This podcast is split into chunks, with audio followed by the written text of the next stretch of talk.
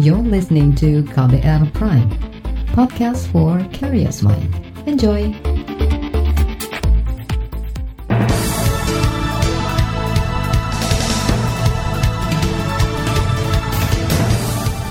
Selamat pagi saudara, senang sekali rasanya saya Reski Mesanto hadir kembali pagi hari ini melalui program Buletin Pagi edisi Selasa 29 September 2020. Pagi hari ini tim redaksi KBR telah menyiapkan sejumlah informasi untuk Anda. Di antaranya, pemerintah susun rencana detail penyuntikan vaksin COVID-19, Polri limpahkan kasus surat jalan palsu Joko Chandra dan dua tahun gempa Palu, bangunan strategis harus tahan likuifaksi. Dan saudara inilah Buletin Pagi selengkapnya. Terbaru di Buletin Pagi. Saudara Presiden Jokowi memerintahkan jajarannya membuat perencanaan program vaksinasi COVID-19 dalam dua pekan ke depan. Ia menginginkan perencanaan dibuat secara detail sebelum vaksin virus corona selesai diuji klinis. Saya minta untuk rencana vaksinasi, rencana suntikan vaksin itu direncanakan secara detail seawal mungkin. Saya minta dalam dua minggu ini sudah ada perencanaan yang detail, kapan dimulai, lokasinya di mana, siapa yang melakukan, siapa yang divaksin pertama, semuanya harus terencana dengan baik. Pemerintah menganggarkan 37 triliun rupiah untuk memenuhi kebutuhan vaksin COVID-19 hingga dua tahun mendatang. Estimasi uang muka untuk pengadaan dan produksi vaksin tahun ini sebesar 3,8 triliun rupiah. Pada era APBN 2021 sudah dialokasikan 18 triliun rupiah untuk memenuhi kebutuhan anggaran vaksin. Saudara, pemerintah akan mendahulukan vaksinasi COVID-19 ke tenaga medis terutama dokter yang berada di baris depan. Ketua Komite Penanganan COVID-19 dan Pemulihan Ekonomi Nasional Erlangga Hartanto mengatakan, Pengutamaan vaksinasi untuk tenaga medis itu merupakan instruksi dari Presiden Jokowi memprioritaskan kepada mereka yang di garda terdepan yaitu uh, terkait dengan pelayanan medis, dokter dan pelayanan mereka yang bertugas untuk melayani medis. Kemudian yang kedua penerima bantuan iuran. Sedangkan skema mandiri sedang kami matangkan karena itu skema mandiri ada yang sifatnya individual dan juga mungkin yang terkait tadi ada yang uh, mengusulkan dari sektor korporat yaitu uh, mereka membeli secara berkelompok. Menteri Perekonomian sekaligus Ketua Komite Penanganan COVID-19 dan Pemulihan Ekonomi Nasional Erlangga Hartarto menyebutkan pemerintah juga sedang menyiapkan perpres pengadaan dan distribusi vaksin COVID-19, peta jalan pelaksanaan vaksinasi, program panel penelusuran vaksinasi dan kebutuhan anggaran. Erlangga menerangkan, khusus untuk program panel penelusuran vaksinasi kini sedang disusun One Single Data berbasis BPJS dan Dukcapil bagi penerima vaksin termasuk daftar prioritasnya. Saudara Ketua Satgas COVID-19 Ikatan Dokter Indonesia Zubairi Jurban memasukkan kategori orang-orang dalam posisi penting seperti guru yang harus diutamakan lebih dulu mendapat suntikan vaksin virus corona. Selain sudah barang, tentu seluruh tenaga kesehatan dan para lanjut usia dengan penyakit bawaan atau komorbid. Saya kira logis saja. Jadi yang pertama memang tenaga kesehatan yang di garis depan yang menata laksana pasien COVID itu kemudian tenaga kesehatan lain, kemudian usia lanjut yang dengan comorbid, ada ada diabetes atau ada jantung atau ada hipertensi atau ada kolesterol, ada gangguan ginjal, kemudian pada posisi penting untuk misalnya guru. Ketua Satgas COVID-19 Ikatan Dokter Indonesia atau IDI Zubairi Jurban menambahkan, semua warga negara Indonesia berhak mendapat suntikan vaksin virus corona. Hanya saja karena jumlah produksi vaksin ditambah secara bertahap, maka prioritas kelompok yang divaksinasi harus diterapkan. Namun menurut Dewan Pakar Ikatan Ahli Kesehatan Masyarakat Indonesia atau IAKMI Hermawan Saputra, Indonesia masih butuh proses panjang untuk bisa sampai ke tahap distribusi vaksin COVID-19. Menurutnya, pemerintah harus memastikan terlebih dahulu kapan dan berapa jumlah vaksin yang tersedia.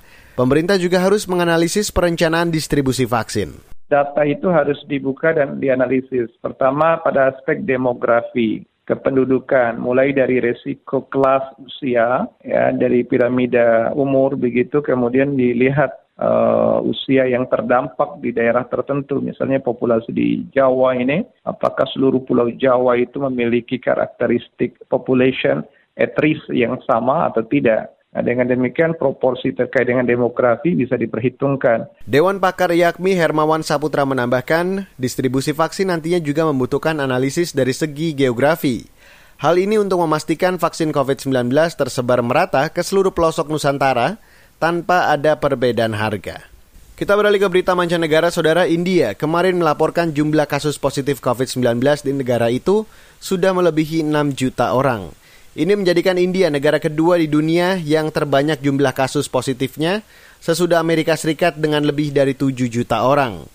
Kementerian Kesehatan India kini sedang mencari cara agar tidak terjadi lonjakan jumlah kasus baru dari klaster festival keagamaan. Karena pada Oktober dan November nanti, India akan merayakan festival keagamaan Hindu, yaitu Dussehra dan Diwali. Kedua perayaan ini sangat populer dan sangat mungkin menciptakan kerumunan ribuan orang. Saudara Polri limpahkan tersangka dan barang bukti kasus surat jalan palsu. Informasi selengkapnya akan kami hadirkan usai jeda. Tetaplah bersama kami di Buletin Pagi KBR. You're listening to KBR Pride, podcast for curious mind. Enjoy!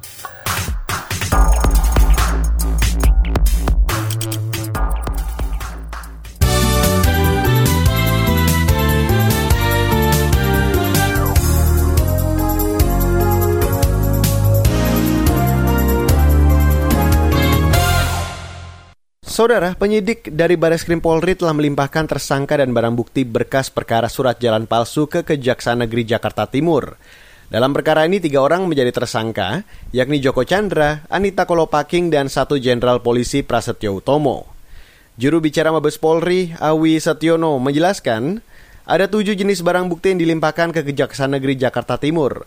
Barang bukti tersebut antara lain sebuah paspor atas nama Joko Chandra, ponsel komputer, laptop, dua buah buku, dan puluhan dokumen. Sebelumnya pernah jalan palsu yang ditangani oleh Direktorat Tindak Pidana Umum Baris Krim Polri dengan tersangka atas nama ADK, PU, dan JST eh, minggu lalu telah dinyatakan B21 dan pada hari ini Senin 28 September 2020 pukul 11.45 WIB penyidik telah menyerahkan tersangka dan barang bukti kepada Kejaksaan Negeri Jakarta Timur. Itu tadi juru bicara Mabes Polri, Awi Setiono. Perkara ini bermula ketika Joko Chandra menggunakan surat jalan palsu untuk berpergian ke Pontianak pada Juni lalu. Setelah diusut, ternyata surat tersebut dibuat oleh Prasetyo Utomo yang saat itu menjabat Kepala Biro Koordinasi dan Pengawasan PPNS Bareskrim Polri. Kepolisian kemudian menetapkan Jenderal Bintang 1 tersebut sebagai tersangka beserta Joko Chandra dan pengacaranya Anita. Kita beralih ke berita ekonomi. DPR bersama pemerintah berhasil merampungkan pembahasan klaster ketenaga kerjaan dalam rancangan Undang-Undang Cipta Kerja Omnibus Law. Klaster ketenaga kerjaan dikebut dalam semalam di sebuah hotel di Jakarta. Anggota Badan Legislasi DPR Obon Tabroni mengatakan, dengan selesainya pembahasan klaster ketenaga kerjaan, berarti hampir seluruhnya pasal-pasal dalam RUU itu disepakati semua fraksi. Jadi secara total itu sudah hampir 99 persen pasal-pasal dalam klaster ketenaga kerjaan itu sudah disepakati bersama. Yang satu persen hanya pada persoalan penghalusan bahasa, terutama yang banyak itu pada uh, klaster tentang ketenaga kerjaan. Anggota Badan Legislasi DPR Obon Tabroni menambahkan draft RUU Cipta Kerja Omnibus Law hanya tinggal menunggu pembahasan oleh tim perumus. Selanjutnya dilakukan harmonisasi dan sinkronisasi pasal-pasal. Dan jika semuanya lancar, Obon memperkirakan RUU Cipta Kerja akan dibawa ke pembahasan tingkat 2 di paripurna, sekaligus disahkan pada 8 Oktober nanti. Obon mengungkapkan pasal-pasal krusial seperti perjanjian kerja waktu tertentu dan pekerja kontrak sudah dilakukan perubahan. Saudara, Bank Indonesia mendorong supaya belanja dalam APBN dan APBD salah satunya diprioritaskan menyasar produksi dalam negeri atau dari pelaku UMKM. Tujuannya menurut Gubernur BI Peri Warjio untuk memicu permintaan dalam program pemulihan ekonomi. Peri mengklaim Bank Indonesia ikut mendorong UMKM naik kelas di antaranya dengan membina UMKM, mempertemukan mereka dengan pelaku bisnis termasuk dengan pelaku perdagangan daring dan teknologi informasi. Sebelumnya, pemerintah mengalokasikan 695 triliun rupiah dalam program penanganan COVID-19 dan pemulihan ekonomi nasional. Sebanyak 123 triliun di antaranya ditujukan untuk mendukung UMKM. Kita beralih ke berita olahraga saudara, Arab Saudi akan menjadi tuan rumah Pekan Golf Tour Eropa Wanita untuk pertama kalinya. Dua seri akan dilaksanakan pada pertengahan November nanti di Royal Green Golf Club Jeddah, yaitu Saudi Ladies International dan disusul Saudi Ladies Team International. Alexandra Armas selaku kepala eksekutif Ladies European Tour mengaku bangga dirinya menjadi bagian dari sejarah yaitu menghadirkan turnamen golf wanita profesional pertama di Arab Saudi. Untuk menghindari penyebaran virus corona, dua ajang golf tour Eropa itu akan dilangsungkan di kawasan yang sangat terlindung dengan pengamanan biosecurity. Saudara, laporan khas KBR bertajuk menanti kontribusi alat deteksi COVID-19 karya anak bangsa akan kami hadirkan usai jeda. Tetaplah bersama kami di Buletin Pagi KBR. You're listening to KBR Pride, podcast for curious mind. Enjoy!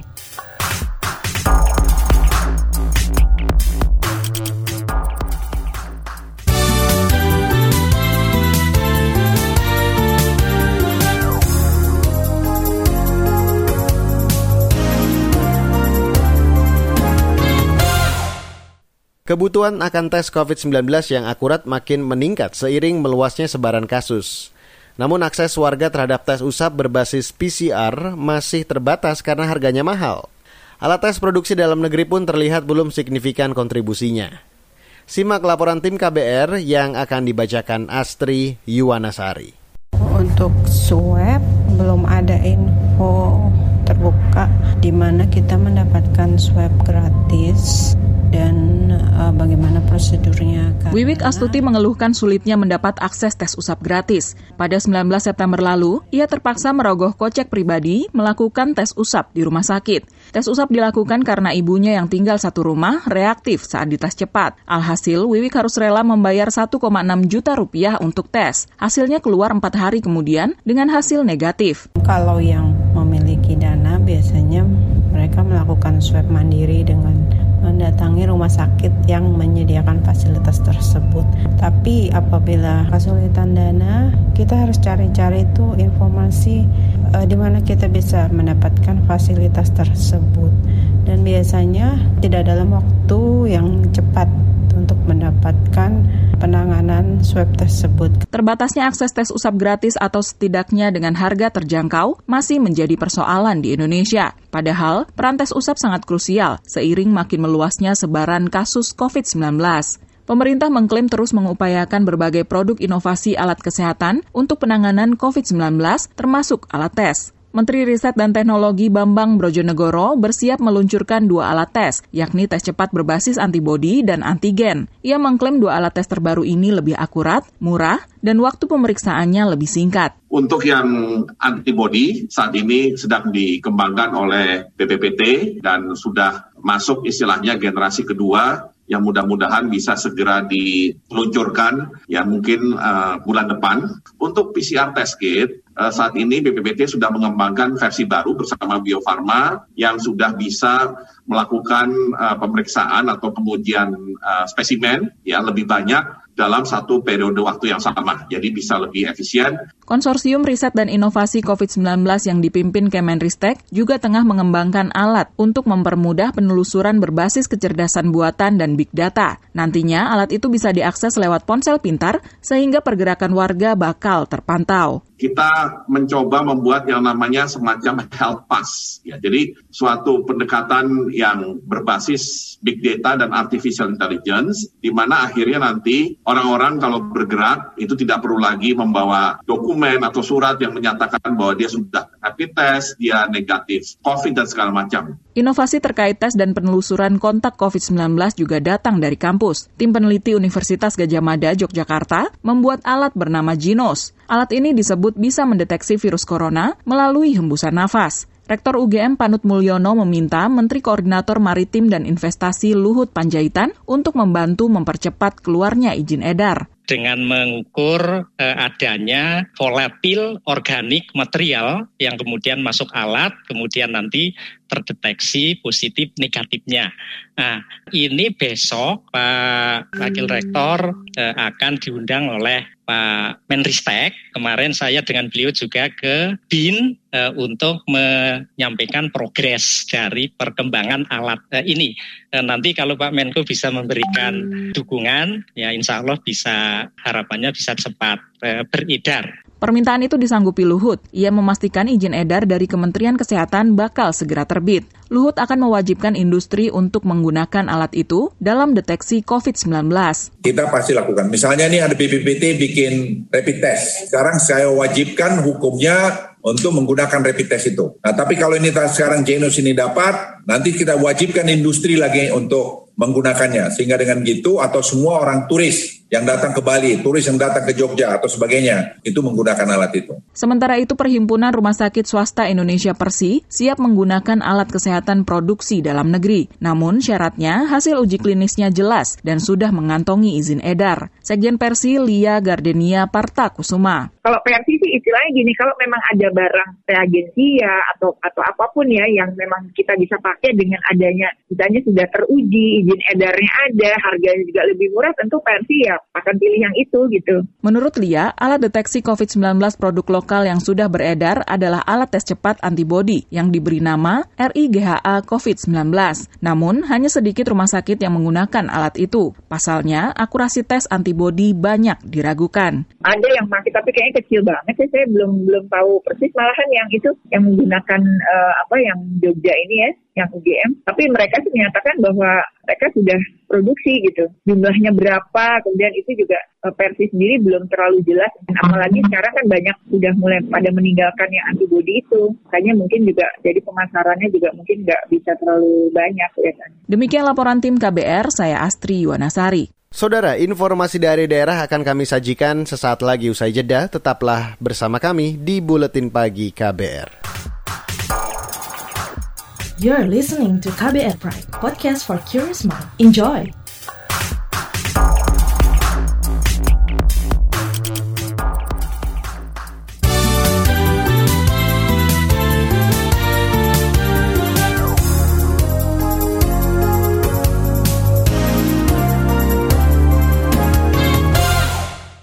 Kita ke Jawa Barat, Saudara. Pemerintah Jawa Barat memberlakukan pembatasan sosial berskala mikro atau PSBM di Kuningan pasca ditemukannya penyebaran COVID-19 di klaster pondok pesantren. Menurut Gubernur Ridwan Kamil, klaster pesantren itu dipicu arus lalu lintas manusia. Terbukti pondok pesantren yang berkonsep santri bermukim justru minim penyebaran virus corona. Yang kami temukan itu karena masih adanya keluar masuk, tapi ada kasus-kasus di mana tercampur dengan yang sifatnya sekolah umum dan orangnya tidak bermukim di wilayah pesantren. Tapi kemarin Pak Wagub sudah memulai koordinasi protokol dan tindakan ini dengan para pemilik pesantren ya Pak. Gubernur Ridwan Kamil juga menginstruksikan melakukan tes swab COVID-19 di seluruh pondok pesantren se-Jawa Barat. Sebelumnya, akhir pekan kemarin 46 santri pondok pesantren Husnul Khotimah di Desa Manis Kidul, Kuningan dinyatakan positif terinfeksi virus corona. Saudara, gempa bumi hebat disusul dengan pergerakan tanah atau likuifaksi di Palu, Sigi, dan Donggala, Sulawesi Tengah dua tahun lalu, baru pertama kali terjadi di Indonesia. Peneliti di Badan Geologi Kementerian SDM, Taufik Wirabuana mengatakan, setiap pergerakan tanah umumnya hanya berdampak lokal dan tidak separah likuifaksi yang terjadi di Palu. Taufik mengingatkan pemerintah daerah harus terus mengedukasi dan sosialisasi bahaya gempa serta likuifaksi. Uh, mensosialisasikan solusi rumah yang tahan gempa dan likuifaksinya yang jelas dengan biaya terjangkau. Inovasi teman-teman engineer lah bisa melakukan ini. Kemudian uh, tata ruang berbasis bencana uh, untuk bangunan vital dan strategis seharusnya sudah sudah saatnya menggunakan rekayasa engineering, engineering lah seperti rumah sakit, limbah B3 uh, dan sebagainya lah. Itu harus sudah uh, lebih lebih detail lagi. Memperingati tepat dua tahun gempa bumi dan likuifaksi di Palu, Sigi, serta Donggala, peneliti di Badan Geologi Kementerian SDM Taufik Wirabuana menyarankan pemerintah daerah menetapkan lokasi titik kumpul evakuasi bila terjadi bencana. Pada 28 Desember 2018 lalu, kota Palu dan sekitarnya diguncang gempa dengan magnitudo 7,5. Sumbernya dari aktivitas sesar Palu Koro. Guncangan gempa mengakibatkan juga pergerakan tanah atau likuifaksi dan lebih dari 12.000 rumah rusak, korban meninggal 3.600-an orang dan lebih dari 82.000 orang mengungsi. Dan saudara informasi dari Jawa Barat tadi menutup perjumpaan kita pagi hari ini di Buletin Pagi 29 September 2020. Pantau juga informasi terbaru melalui kabar baru setiap jamnya melalui website kbr.id, Twitter kami at berita KBR, serta podcast di kbrprime.id. Akhirnya saya, Reski Mesanto, mewakili tim yang bertugas mengucapkan terima kasih. Kami pamit, salam.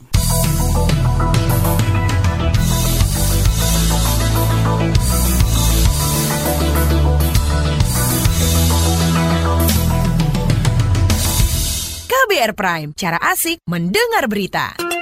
KBR Prime, podcast for curious mind.